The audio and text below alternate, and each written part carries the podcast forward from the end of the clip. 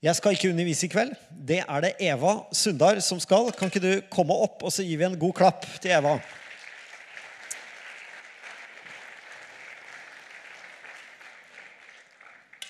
Yes, Eva, du eh, er her i kveld med mannen din Erlend. Eh, har ikke vært her før. Eh, og når, når vi på en måte inviterte dere, og jeg så navnet Sundar, så tenkte jeg ja, det er jo nynorsk. Eh, og egentlig en litt sånn ydmyk bekjennelse.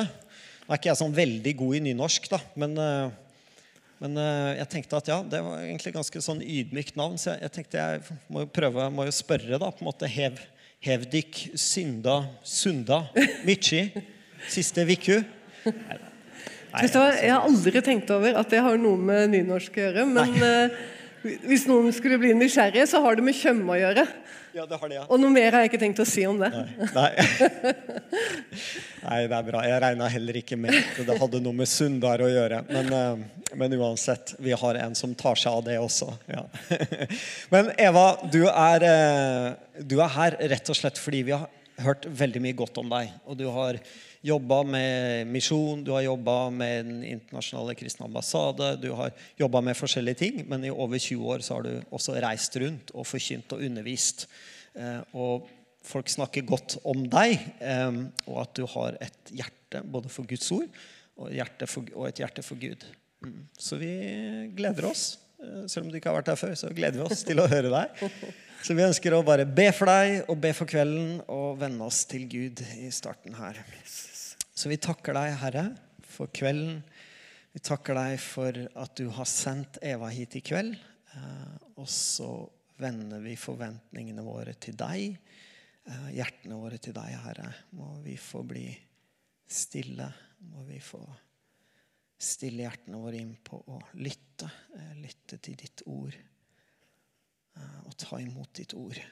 Takk for de dagene du gir oss, Gud. Og la oss få eh, kjøpe den rette tid. La oss få bruke dagene våre vist. Så vil jeg be litt spesielt for Eva. Be, for om at, ja, be om at du salver henne, be om at du velsigner henne. Be om at hun skal få lov til å formidle fra ditt hjerte, Herre, til, til oss. Og at hun skal få kjenne at det er godt eh, å være her i, i kveld. Mm. I ditt navn, Jesus. Amen. Ja, det, tusen takk. Veldig bra også få bønn før man skal tale, og i hvert fall før man skal gå inn i disse brevene. her sånn. Er det noen av dere som har gjort uh, forleksen og lest 2. Peters brev og Judas brev? Hvor mange er det som har gjort det? Wow, så flott. Det er jo du, altså, Det jeg tenkte Man blir jo edru av å lese disse brevene, og man skjønner her at uh, dette er viktig. Um, jeg er veldig glad for å ha blitt spurt, og det er kanskje ikke helt tilfeldig, for jeg har jo vært innom disse tingene i undervisning tidligere. Men uh, ikke på så kort tid kanskje, som jeg har her i kveld, så det er litt sånn uh, spennende å ta to brev på to ganger 40 minutter. eller noe sånt nå. Men jeg skal virkelig gjøre mitt aller uh, beste for at vi skal få at vi skal få det ut av det som vi ønsker. Uh, ja. Uh, det er litt sånn Det jeg hadde lyst til å si innledningsvis, var at jeg har lyst til å ta det tematisk. Fordi dere har sikkert lagt merke til at Judas brev er nesten Peter 2. Altså andre kapittel i Peters brev og Judas brev. Det er så likt at vi har ikke noe annet eksempel i Det nye testamentet på noe lignende. Og Det er klart det har vært masse tanker opp igjennom rundt dette her. Og de fleste eh, lærde vil nok mene at Judas brev er det eldste. Jeg tilhører ikke eh, en av dem. Jeg tror, jeg tror eh, andre Peters brev er først. Eh, Det er ulike årsaker til det, eh, fordi jeg ikke kan bevise det. Men det kan heller ikke de. Det er ingen som kan bevise dette. Eh, Så bare lar vi det ligge der. Men da vet du hva jeg mener. Så er det også sånn med andre Peters brev, og det må sies, fordi det har vært ett, kanskje den mest diskuterte boken i Det nye testamentet i forhold til eh, rundt dette med forfatter og ektheten. Hvorvidt det er Peter, selv apostelen Peter, som er forfatteren av brevet. Og fordi det ganske tidlig ble nevnt bl.a. av kirkefar Origenes. Han levde på slutten av 100-tallet, eh, litt inn på 200-tallet. Og han, liksom, han nevner det at noen mener Han sier ikke at han mener det, men han sier at noen mener at det ikke er Peter som har forfattet brevet. Men fordi han sier det på den måten, så tror jeg at vi kan si at han ikke hører til dem som mener det. Sånn at når endelig andre Peters brev blir en del av kanon, akseptert, så er det ganske sent. Da er vi på eh, 3, er det 393 eller 397. I Hippo i Nord-Afrika, på konsilet der, så blir andre Peters brev eh, eh, anerkjent som en del av kanon. Så det er veldig sent. Eh, og Derfor så er det fortsatt sikkert teologer som, eh, som, er av den oppfatning at jeg tror ikke at det er eh, apostelen Peter som er forfatteren. Jeg er uenig. Jeg er ganske sikker på at det har gjort det enda tryggere at jeg har hatt den lange prosessen og er anerkjent. Og av mange av de største kirkefedrene som uten tvil legger sitt to streker under svaret der. Og det tror jeg vi også Eh, skal ha det som basis her i kveld. Hva du eh, mener når du kommer ut herfra, det, det er noe så. Men jeg ville bare nevne det, og ikke bruke for mye tid om det. Selv om det kan være litt sånn fristende å si mer. Men eh, Judas brev ble veldig tidlig.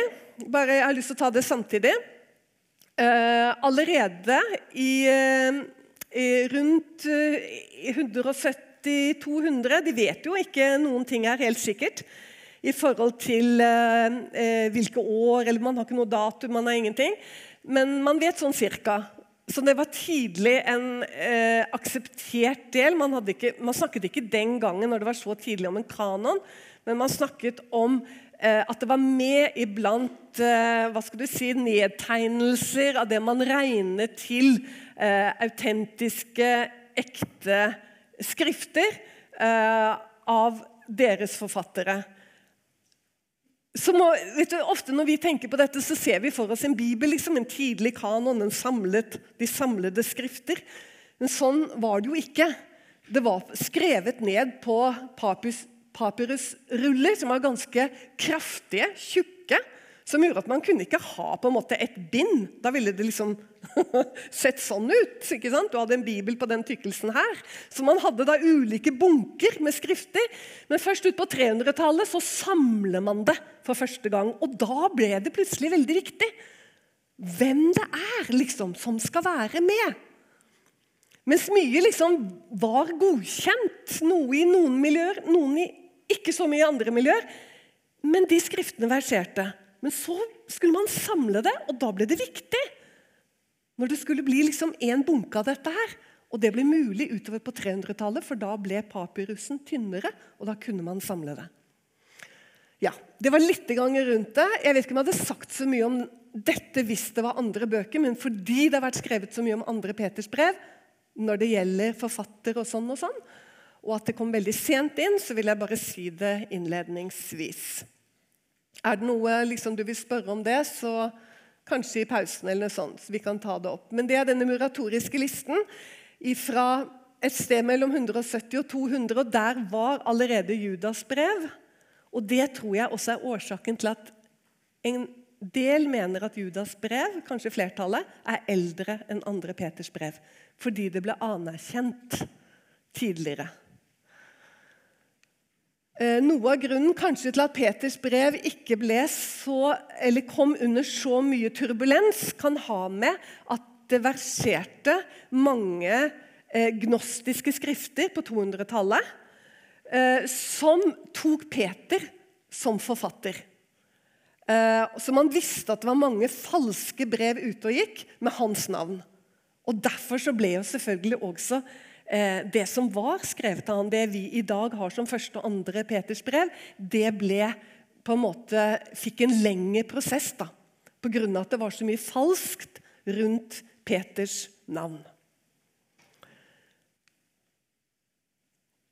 Ja, Eh, litt kort også, som jeg tenker er viktig når vi skal ha med Peters brev å gjøre. Selvfølgelig Paulus også, men spesielt kanskje Judas og Peter her nå.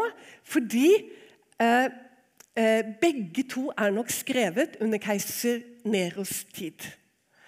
Eh, man tror eh, Peter ble henrettet i år 66-67, noe sånt. Nero døde i 68. Eh, og det var intens forfølgelse av de kristne fra år 64 og fram til Neros død. Eh, det satte i gang i 64 i forbindelse med denne brannen. Sånn at bakteppet her er eh, kraftig forfølgelse av Guds menighet. Det har mest fokus, den ytre forfølgelsen mot Guds menighet, i første brev. Første Peters brev er det veldig fokus på den forfølgelsen som de står i. Det er et brev med råd og oppmuntring til menigheten. Hvordan man skal leve. Eh, eh, håpet eh, og utrustningen som Gud har gitt oss til å kunne leve i forfølgelse. Det er fokuset i første Peters brev hovedsakelig. I andre Peters brev så er det et tydelig fokus men her er det kommet forfølgelse innenifra. Altså, Peter han advarer, noe Judas tar ballen opp og fortsetter med. Men Peter advarer egentlig og taler mest om noe som skal komme over menigheten. En indre forfølgelse av falske profeter og falske lærere. Det er, hele andre kapittel er viet dette. Og for så vidt også deler av tredje kapittel. Judas brev er utelukkende, så å si, viet dette med falske lærere og falske profeter. Men det ser ut som Judas er mer opptatt av at, liksom sånn, at det er allerede her. liksom. Mens Peter er mer i det profetiske, taler om noe som skal spesielt kjennetegne eh, Guds menighet i den aller siste tid, før Gud skal dømme verden. Men det er viktig tenker jeg, å være, bare være klar over dette, at det sannsynligvis er skrevet ned under en tid hvor eh, menigheten er under eh, sterk eh, forfølgelse. Så har jeg bare laget en innholdsoversikt og Jeg bare leser den fort sammen med dere, bare sånn for å, en slags oppvarming. Bare sånn at vi på en måte har gått igjennom de, de temaene som Peter uh, berører igjennom sitt andre brev. Hvordan vokse opp i Kristus, hvordan unngå å falle. Profetienes autoritet og Jesu gjenkomst. Dette er det første kapitlet. Så er vi over i andre kapittel. Advarer om farene ved falske profeter, lærere og konsekvenser. Hva kjennetegner de falske? Og så, i tredje kapittel, Jesu gjenkomst og spottere. Eh, hvorfor det drøyer. Han, eh, han sier noe om spotten og svarer på spotten. Eh, og hvordan vi skal leve når vi vet, har jeg bare på en måte uh, forkortet det til. La oss bare gå rett til uh, første kapittel i 2. Peters brev. Og Der ble det åpnet, du innledet, med, med begynnelsen. Den er egentlig veldig nydelig. For han legger sånn utrolig vekt på hva vi har i Kristus.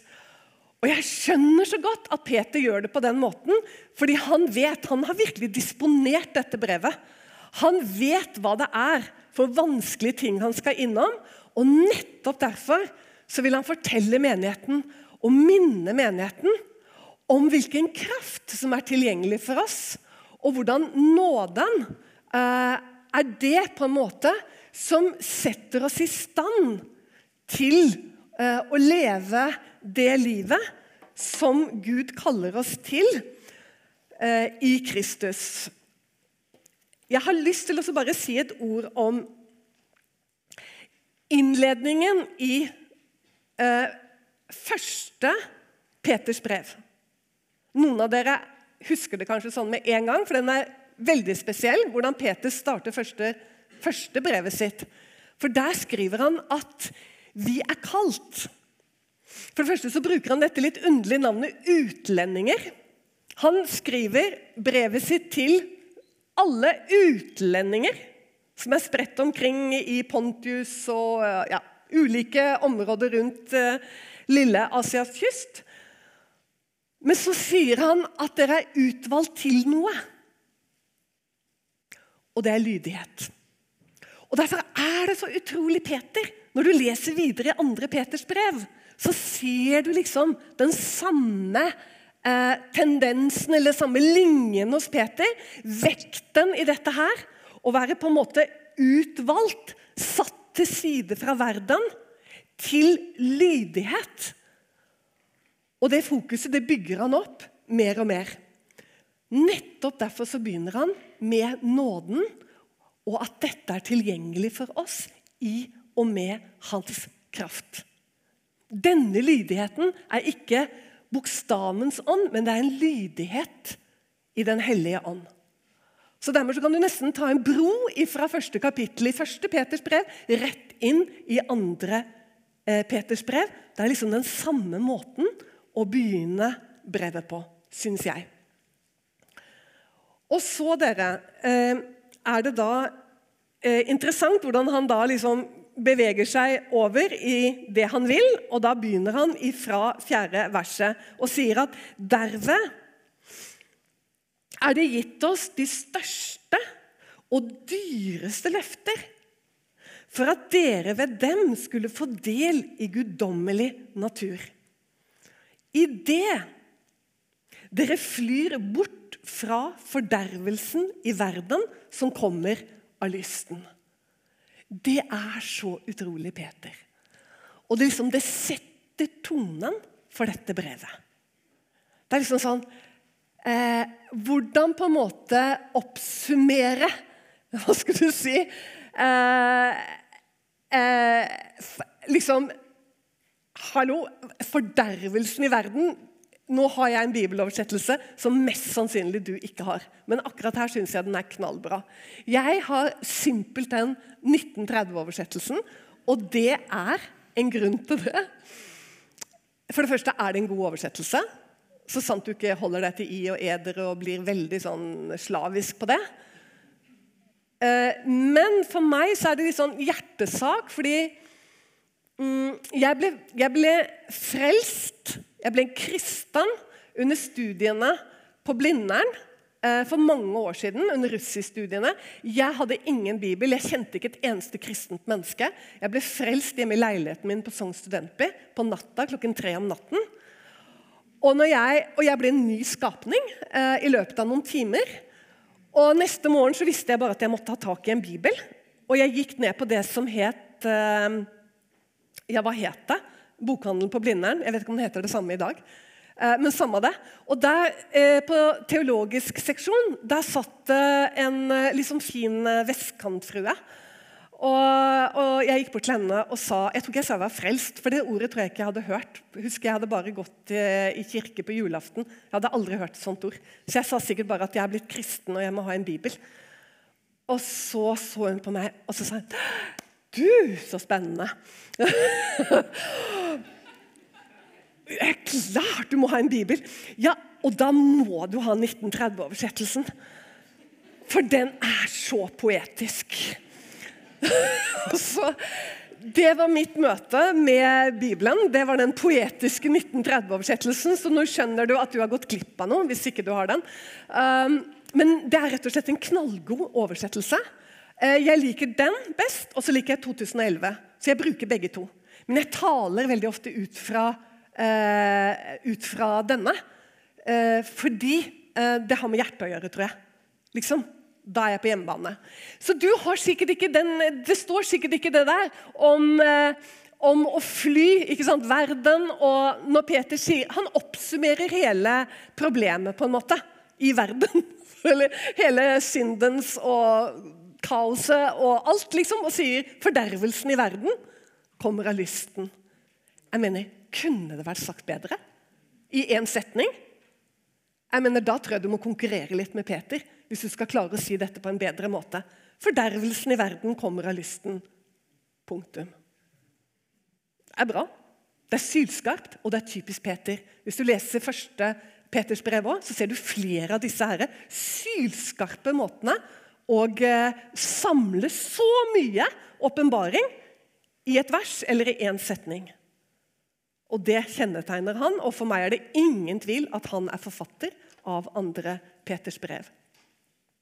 Jeg vet ikke om du ser på meg som en veldig stor autoritet, men jeg har jo jobbet med Bibelen i 30 år.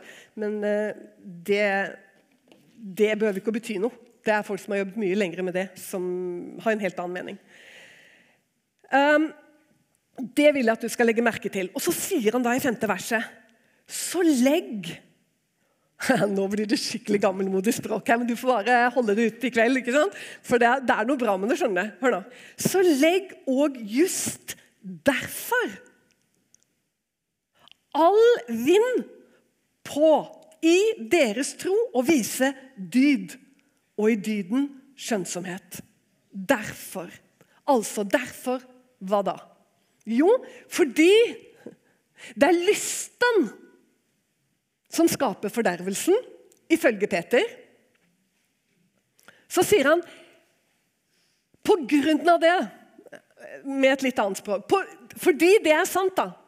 Han slår fast noe, han gir oss en premiss. Han slår det fast, og så sier han fordi det er sant, så skal dere, eller må dere, legge vekt på dyd. Eh, Antageligvis står det det samme i de fleste, eller ganske nær her nå. Det vet jeg ikke, men dere er, så, dere er så gamle, dere som er her, at dere skjønner litt eh, gammelmodig språk. Det tror jeg. Så kommer, vi, så kommer det videre i det sjette verset, og i skjønnsomheten, og det er dit jeg vil, avhold. Og i avholdet utholdenhet. Står det tålmodighet hos deg? Har du 2011, så står det utholdenhet. Har du en annen bibeloversettelse, så er det stor sjanse for at det står tålmodighet. Det skal være utholdenhet, det er det som står på gresk. Det er noe litt annet. Det er ganske nær tålmodighet, men det er noe litt annet.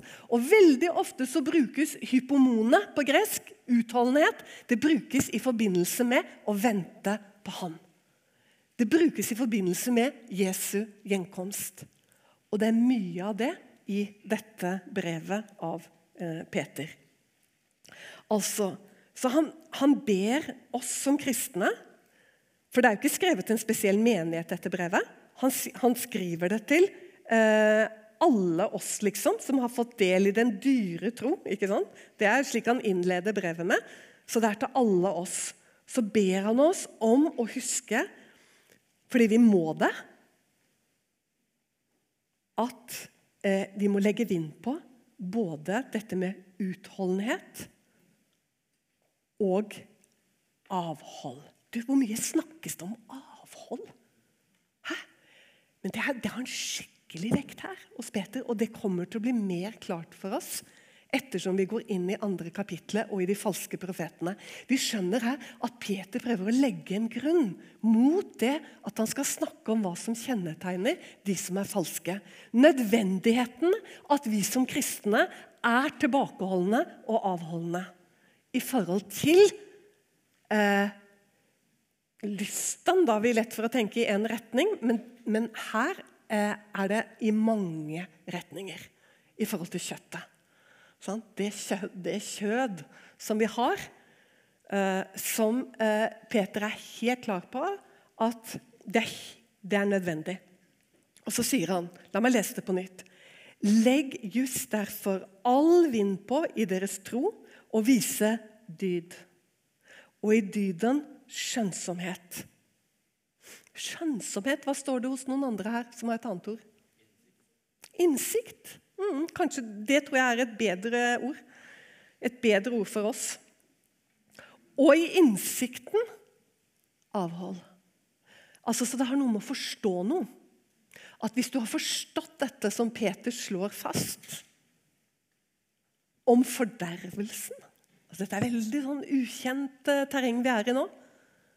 Hvis vi virkelig har skjønt det, altså syndens korrupsjon, hvordan, hvor korrupert vi er i vår natur Vi snakker ikke om i det eh, gjenfødte. Vi snakker om i vår natur. Hvor korrupte vi er. Sånn? Det, er en, det er en innsikt. Jeg er veldig for å lese Bibelen langsomt, fordi det er viktig.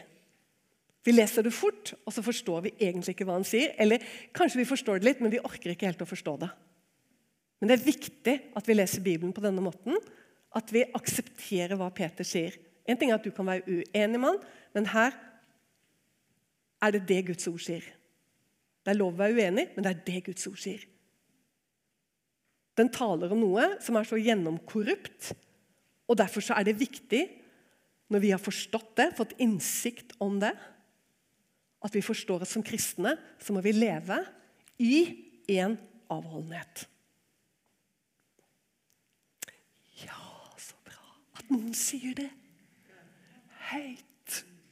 For det er så sant. Hører jeg ingen amen? Og jeg bare vet at det er så sant, det som står her. Det er så innmari sant. For hver og en av oss. Vi kan jo, hjelpe, vi kan jo hente en sånn hjelpestav hos Paulus i Romerbrevet 8, som er et sånn kapittel som vi vanligvis liker, å, for der står det så mye godt. Men det er også ganske salt. Han har noen passasjer der hvor han snakker om å leve etter kjødet og leve etter ånden. Og så sier han nødvendigheten av å døde kjødet. Mm, har du lest det? Det står det. det at vi må det. Og det, det, det, er det samme. Det er bare det at Peter og Paulus bruker forskjellige ord om det samme. For at vi ikke skal bli nervøse og på en måte at vi kommer inn i en slags sånn anklagespor, så er den innledningen til Peter veldig veldig viktig. At dette er det nåden er gitt oss for å skape denne lydigheten. Det er denne lydigheten som Gud arbeider med oss hele tiden. Hele tiden. Så La oss bare sammen gå litt videre. Så er det det kjente tiende verset. Så sier han Ta med ni først. For den som ikke har disse ting, han er blind nærsynt idet han har glemt renselsen fra sine fordums synder. Interessant. Johannes sa jo dette at dersom vi sier at vi ikke har synd, så lyver vi. Men dersom vi bekjenner våre synder, er han trofast og rettferdig, så han tilgir oss syndene og renser oss fra all urettferdighet. Så her bare minner Peter om nødvendigheten av å gjøre det Paulus sier. Det er dette det er å omvende seg ifra, eh, ifra eh, lysten for å nå være i det språk, eh, for å være i det språkuniverset som Peter er i. Jeg skjønner at det er masse tanker inni dette, men vi skal være helt pinlig tro til det Peter sier. Og så kommer det det tiende. Derfor, brødre, legg enn mer vind på å gjøre deres kall og utvelgelse fast. For når dere gjør disse ting, da skal dere ikke snuble. Altså, hvis vi lever slik i denne ydmyke avholdenheten i forhold til vår natur. Ikke, ikke, en avholdenhet i forhold til en falsk, misforstått ydmykhet, men en ydmykhet og avholdenhet i forhold til vår natur. I forhold til vårt ego. I forhold til vår lyst, vår havesyke, vårt Ja, i det hele tatt. Da sier Peter at vi skal ingen lunde snuble. Hva er det vi gjør da? Jo, Da sier han at da gjør vi vårt kall og vår utvelgelse fast. Da har du fått innsikt. Da skjønner du både kampen, og du forstår eh, Og du forstår på en måte eh, den veien til å ikke eh, snuble. Vi snubler jo uansett, men allikevel. Eh, her vil nok Peter dras i den retningen om å ikke, for det er dit han vil, om å ikke fare vill, for det er dit han vil i andre kapittel, nemlig de som farer vill. Det han gjør her i første kapittel, er at han legger grunnvollen for dit han vil i andre og tredje kapittel. I andre kapittel så vil han inn imot det han vil advare om, nemlig de falske lærerne. Og Det er dette det handler om. Han vil gi et fundament for at du ikke skal fare på den veien. da. Fare vill det er egentlig et veldig bra villfaren, det er et veldig bra ord. fordi eh, eh, På gresk så er jo dette eh, egentlig, og faktisk på hebraisk, det fryktelige ordet 'ugudelig', f.eks. Som det står flere ganger i Nytestamentet. De ugudelige og sånn og sånn. Vet du hva ugudelig er, hvis du går til, til eh, opphavsspråket hebraisk? Det er å gå av veien. Og veien er alltid ordet.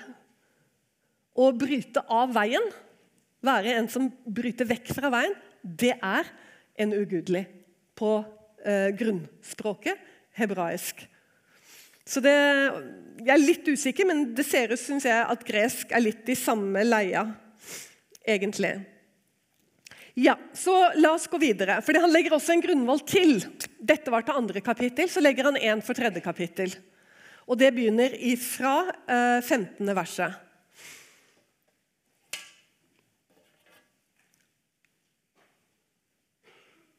Den viktige påminnelsen har jeg bare skrevet det fra. Eh, og leser. Men jeg vil òg gjøre meg flid for at dere til enhver tid etter min bortgang, bortgang skal kunne minnes dette. Altså Nå sier han Han sier to ting her. Han sier eh, Han taler nemlig om at han tror at det Jesus varslet han om, at han skulle dø som martyr, at det er nær forestående. Derfor tror man også at dette brevet ble skrevet omkring år 66-67, eh, ganske sent, like før han ble, ble, eh, ble henrettet. Og så er det noen han bare må minne om. Ser du? det? Før hans bortgang så må jeg bare si dette til dere. Han sier at han vil gjøre seg flid for at dere til enhver tid etter min bortgang må huske dette. Og hva er det? Jo, han sier, for det var nemlig ikke med kløktig uttenkte eventyr vi fulgte da vi kunngjorde dere vår Herre Jesu Kristi makt og gjenkomst. Men vi hadde vært øyenvitner til hans storhet. Her er det noen eh, bibeloversettelser som skriver 'hans komme'. Det gjør det kanskje i din. Men det er ikke riktig. Fordi det er det samme ordet som brukes i tredje kapittel, i det fjerde verset, i forbindelse med eh, der hvor Peter sier eh, spotterne som kommer og spotter om at hvor blir det av liksom løftet om Jesu gjenkomst? For det er det spotterne da tar opp. Dette her at eh, Hallo, liksom. Nå har, vi, nå har dere venta på han. Det, Peter profeterer om noe som kommer til å komme og kjennetegne den siste tid. Disse spotterne. Og Det er det samme ordet som brukes her, gjenkomst, og som brukes i første kapittel. Så det er noe med Peter, det er dette han vil eh, minne om. Eh, eh, Jesu gjenkomst.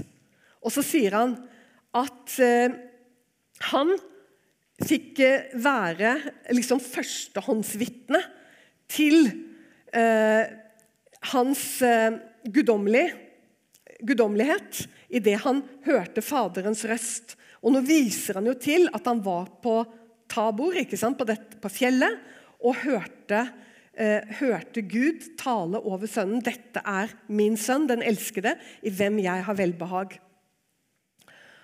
Og så er det i det 19. verset så, kom, så, på en måte så kommer han dit han vil, det han vil minne om.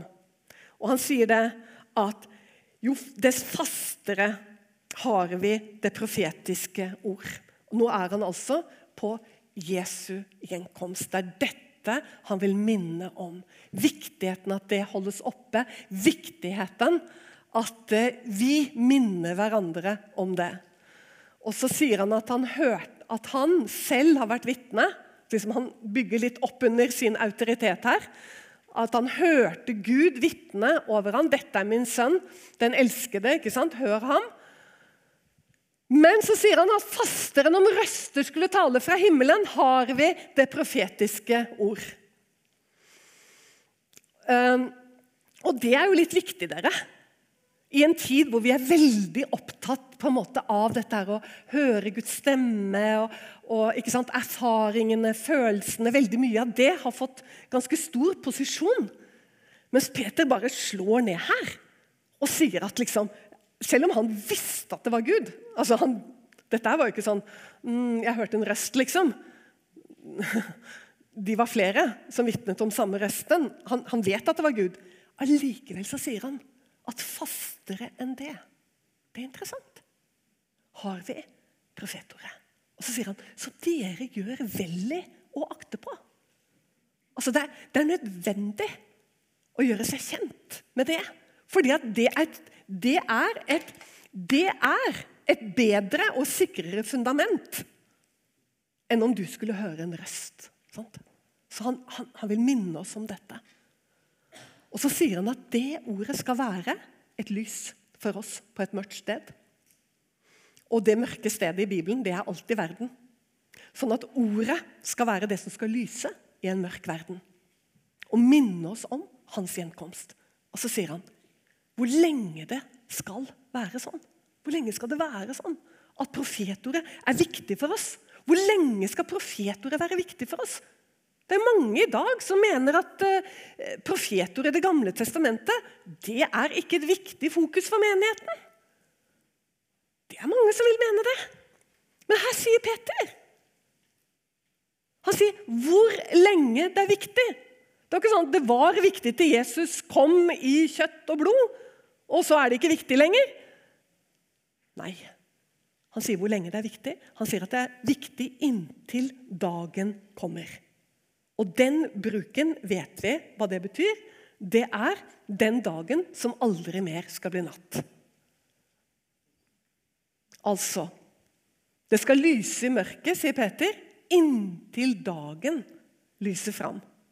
Og så kommer dette underlige, og morgenstjernen går opp i deres hjerter. Ikke sant? Sånn at Det er to ting i 2. Peters brev det er en sånn veldig fokus på Jesu gjenkomst som kommer her som en sånn innledning til tredje kapittel. Dette er en innledning til tredje kapittel. Og så er det de falske profetene. Og Der har han også innledet i det første kapitlet for å legge en grunnvoll til å gå videre inn i det andre kapitlet. Og Det gjør vi etter pausen. Nå går vi til tredje kapittel før pausen. Tredje kapittel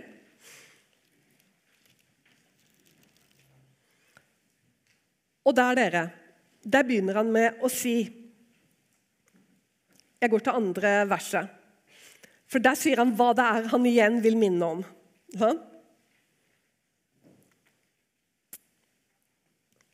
Han sier at han atter må påminne og vekke. Og vekke oss, liksom. Og så kommer det andre verset til hva da? Jo, de ord som forut er talt, så kommer han igjen med det. De hellige profeter. De hellige profeter og Herren selv, altså han på Frelserens bud, profetene, Jesus Kristus og hans apostler. Så han liksom Ikke bare at han mener at det er viktig, men de hellige profeter har talt om det, Jesus Kristus har talt om det, og hans apostler har talt om det. Og hva er det? Der igjen hans gjenkomst. Og Derfor sier han, 'Vær våkne'. For de spotterne som kommer, de som skal komme, de kommer til å legge fokuset sitt et sted. Og de kommer til å legge det mot Jesu gjenkomst. De kommer til å spotte om Hallo. Liksom, Jesu gjenkomst. Hæ? Hvem er det som fortsatt tror på det? Litt, uh, litt der. La meg bare lese litt sånn så dere hører hvordan Peter snakker. Idet dere først og fremst vet dette, at i de siste dager skal det komme spottere med spott, som farer fram etter sine egne lyster. Og de sier, 'Hvor er løftet om hans gjenkomst?' For fra den tid fedrene sov inn, vedblir jo alle ting som de var fra skapningens begynnelse. Og så sier han, 'De som påstår dette, de er blinde.' For at det fra gammel tid Og så viser han til ikke sant? straffen og dommen ved Noah og, og floden. ikke sant? Og så sier han at nå er den samme verden spart inntil ilden. Og så kommer han med denne sammenligningen. Og så i åttende verset så sier han Men dette ene må dere ikke være blinde for, dere elskede. Det Det er så bra at en dag er som tusen år i Herrens øyne. Og tusen år som én dag. Så Gud er ikke sen med løftet. Herren er ikke sen med løftet, slik som noen akter det for senhet. Men han har langmodighet med dere. For han vil ikke at noen skal fortapes, men at alle skal komme til omvendelse. Og så, dere så kommer dette. Men Herrens dag skal komme som en tyv. Og denne hurtigheten den kommer også Judas tilbake til. Sånn at det er jo Jeg regner med at flere av dere sikkert har reflektert over det. Dette med at det noen steder i vår bibel er oversatt med 'hans snarlige gjenkomst', mens det overalt blir feil fra gresk fordi det skal være hans hurtige gjenkomst.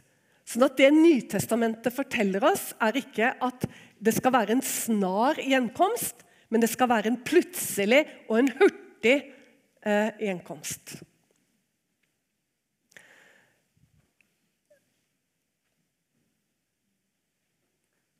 Det er, det er viktig. Og Jesus selv han brukte jo dette bildet med tyven.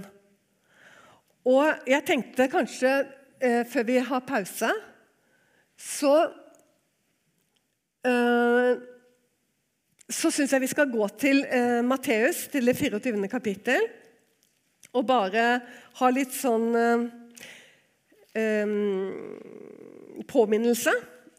Dere har garantert lest der før, i hvert fall de fleste av dere, om ikke alle. Og Det er jo denne eh, advarselen Jesus kommer med nesten hos alle evangelistene. som gjengir Det Det er dette her med å våke, for dere kjenner ikke dagen eller timen. Det har jeg alltid syntes vært veldig underlig. Eh, fordi Han kunne sagt dere vet ikke år, eller dere vet ikke sesongen, eller dere vet ikke Men han sier dagen og timen. Det, jo, det skaper jo en sånn alert, ikke sant? Um, fokus. For dere vet ikke hva dag Deres Herre kommer. Men det skal dere vite, at dersom husbonden visste i hvilken nattevakt tyven kom, da ville han våke og ikke la noen bryte inn i sitt hus. Derfor, vær også dere rede, for menneskesønnen kommer i den time dere ikke tenker. Og det det tales om her, det er jo ikke hans gjenkomst eh, til jorden med sitt rike, men det er hans komme for å hente sin menighet. Altså, det er gjenkomst til ham. Det er altså ikke han som skal skifte adresse først, det er det vi som skal gjøre. Så det er han skal hente oss, og så for verden er det vreden. Det er det Jesus underviser. Det er det Paulus underviser i Tessalonikerbrevet. For deg som opplever at det er litt nytt, så kan du gå til Tessalonikerbrevet i første Tessalonikerbrev 4 og 5 og andre Tessalonikerbrev 1 og 2. Og så kan du lese mye mye mer om dette. Det er viktig skille, egentlig. Sånn at det er til frelse. Vi er ikke bestemt til vrede. kommer tydelig fram i Det nye testamentet, men vi er bestemt til frelse. Sånn at det er til frelse for menigheten det hele tiden tales om. Og det går gjerne i Nytestamentet under Jesu Kristi åpenbaring. Og så er det til vrede for verden. Og det er dypest sett det vi skal frelses fra. Det er vreden. Og den står nesten på hver tredje side gjennom hele Nytestamentet. Og det tales så lite om det! Og når dere vet dette, sier Peter, hvor mye mer må vi ikke da legge vind på nettopp avholdenheten, altså innsikten, i innsikten eh, avholdenhet, og i avholdenheten utholdenheten. Uh, hva skal vi med utholdenheten? Den brukes også nesten alltid i forbindelse med adskillelsen, adskillelsen og forventningen og, det kommende eh, håpet. Så eh, jeg bare ser at jeg 35 til 42 Himmel og jord skal forgå, men mine ord skal ingenlunde forgå. Men hin dag og time vet ingen, ikke engang himlenes engler, men alene min Fader. Og som Noas dager var, eh, således skal menneskesønnens komme være. Og liksom de i dagene før vannflommen åt og drakk, tok til ekte, ga til ekte, like til den dag Noah gikk inn i arken. Og de visste ikke av det før vannflommen kom og tok dem alle. Det jeg mange ganger har tenkt at er veldig sånn spesielt med hvordan Noah brukes i forhold til den siste tid, og hva Jesus legger vekt på, og det brukes jo av flere av apostlene, det er dette her at, eh, at uh, i en tid som Jesus sier var så ond Nei, ikke Jesus, som vi kan lese fra Noahs tid. Hvor mennesket var så pervertert så sier Jesus, når han sammenligner den siste tid med Noas tid, så sier han at eh, de eter, de drikker, de gir til ekte. Ja, det er fryktelig ille og syndig. Men det han, det han da, den kontrasten som blir så sterk her, det er jo det at i en tid som da er så ond, altså i Guds øyne ond, vantro i Guds øyne ond tid da er menneskene helt uberørt. Og det er denne kontrasten som, som, som, er så nesten uhyggelig. Når Jesus bruker at det skal være som på Noas tid, så er det en kjempekontrast i dette her at de skal ete og drikke. Og, altså det, det, han sier jo egentlig bare at de lever som om alt er helt normalt. Og Samtidig så vet vi at Noas tid var så ond at Gud angret på at han hadde skapt mennesket. Det sier liksom noe om eh, at det er lett å forstå hvorfor Peter skrev eh, det brevet han skrev. Om nødvendigheten om å minne dere alle. For i den siste tid så kommer det falske lærere som nettopp ikke sant, eh, eh, går på eh, kompromissets vei. Med den kulturen som er utglidende, eh? Hvor det er lystne som står i høysetet. Uh, lite fremmed egentlig for de nytestamentlige forfatterne som levde i det romerske riket. Uh, med en kultur som var uh, kanskje mye mer langkommen i den type fordervelse enn det norske samfunnet. Men det er jo dette ikke sant, som kommer mer og mer. Og da skjønner du Peter sånn som bare Jeg må skrive, og jeg må minne dere om nødvendigheten av å ta dette og huske det etter min bortgang. Også nå. Og så vil jeg at dere også Nå skal vi ta pause. Jeg ble på forsinkelse. Men hør da, at dere også tar med eh, Johannes' åpenbaring. Og les på nytt når dere får tid, disse brevene, sendebrevene. For der ser du også denne kampen i det budskapet som Johannes skriver ned til menighetene. Det er også det menigheter som er i stor forfølgelse. Men det er hele tiden fristelsen i den kampen til å bøye av mot kulturen. Så Flere av de, fem av syv, holder på å skli ut mot den kulturen de lever i. Fristelsen til å bøye av og ta inn og gå på kompromissets vei. Og så kommer da disse skarpe brevene som Johannes har skrevet ned i dette synet han har fått overlevert. Det er jo ikke hans åpenbaring, det er Jesu Kristi åpenbaring som Johannes skriver ned. Og det er det, er det samme. Skrevet ned i en tid, fortsatt i stor forfølgelse, også som Johannes skrev det. Under en annen keiser, men fortsatt stor forfølgelse. Og den fristelsen for menighetene til å bøye av. Det er da vi blir fristet til å bøye av. Og ikke være annerledes enn verden, men heller ligne på verden. Det er jo så besnærende å være mer lik verden og bli mer spiselig og mindre synlig. Men det er da alle sammen minner, og særlig Peter, nesten mer enn noen annen, om nødvendigheten av eh, avholdenhet, altså på alle områder. Først og fremst avholdenhet i forhold til å ligne på verden. Jeg tror ikke så mye på klesstilen, men jeg tror på hjertets innstilling og måten vi lever på.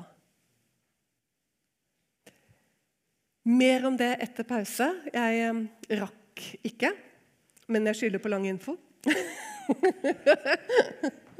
og så fortsetter vi med falske profeter og lærere etter eh, pause. Og da er det både Judas og andre kapittel hos eh, Peter. Stå med oss økonomisk og i bønn. Du finner oss på utentvil.com.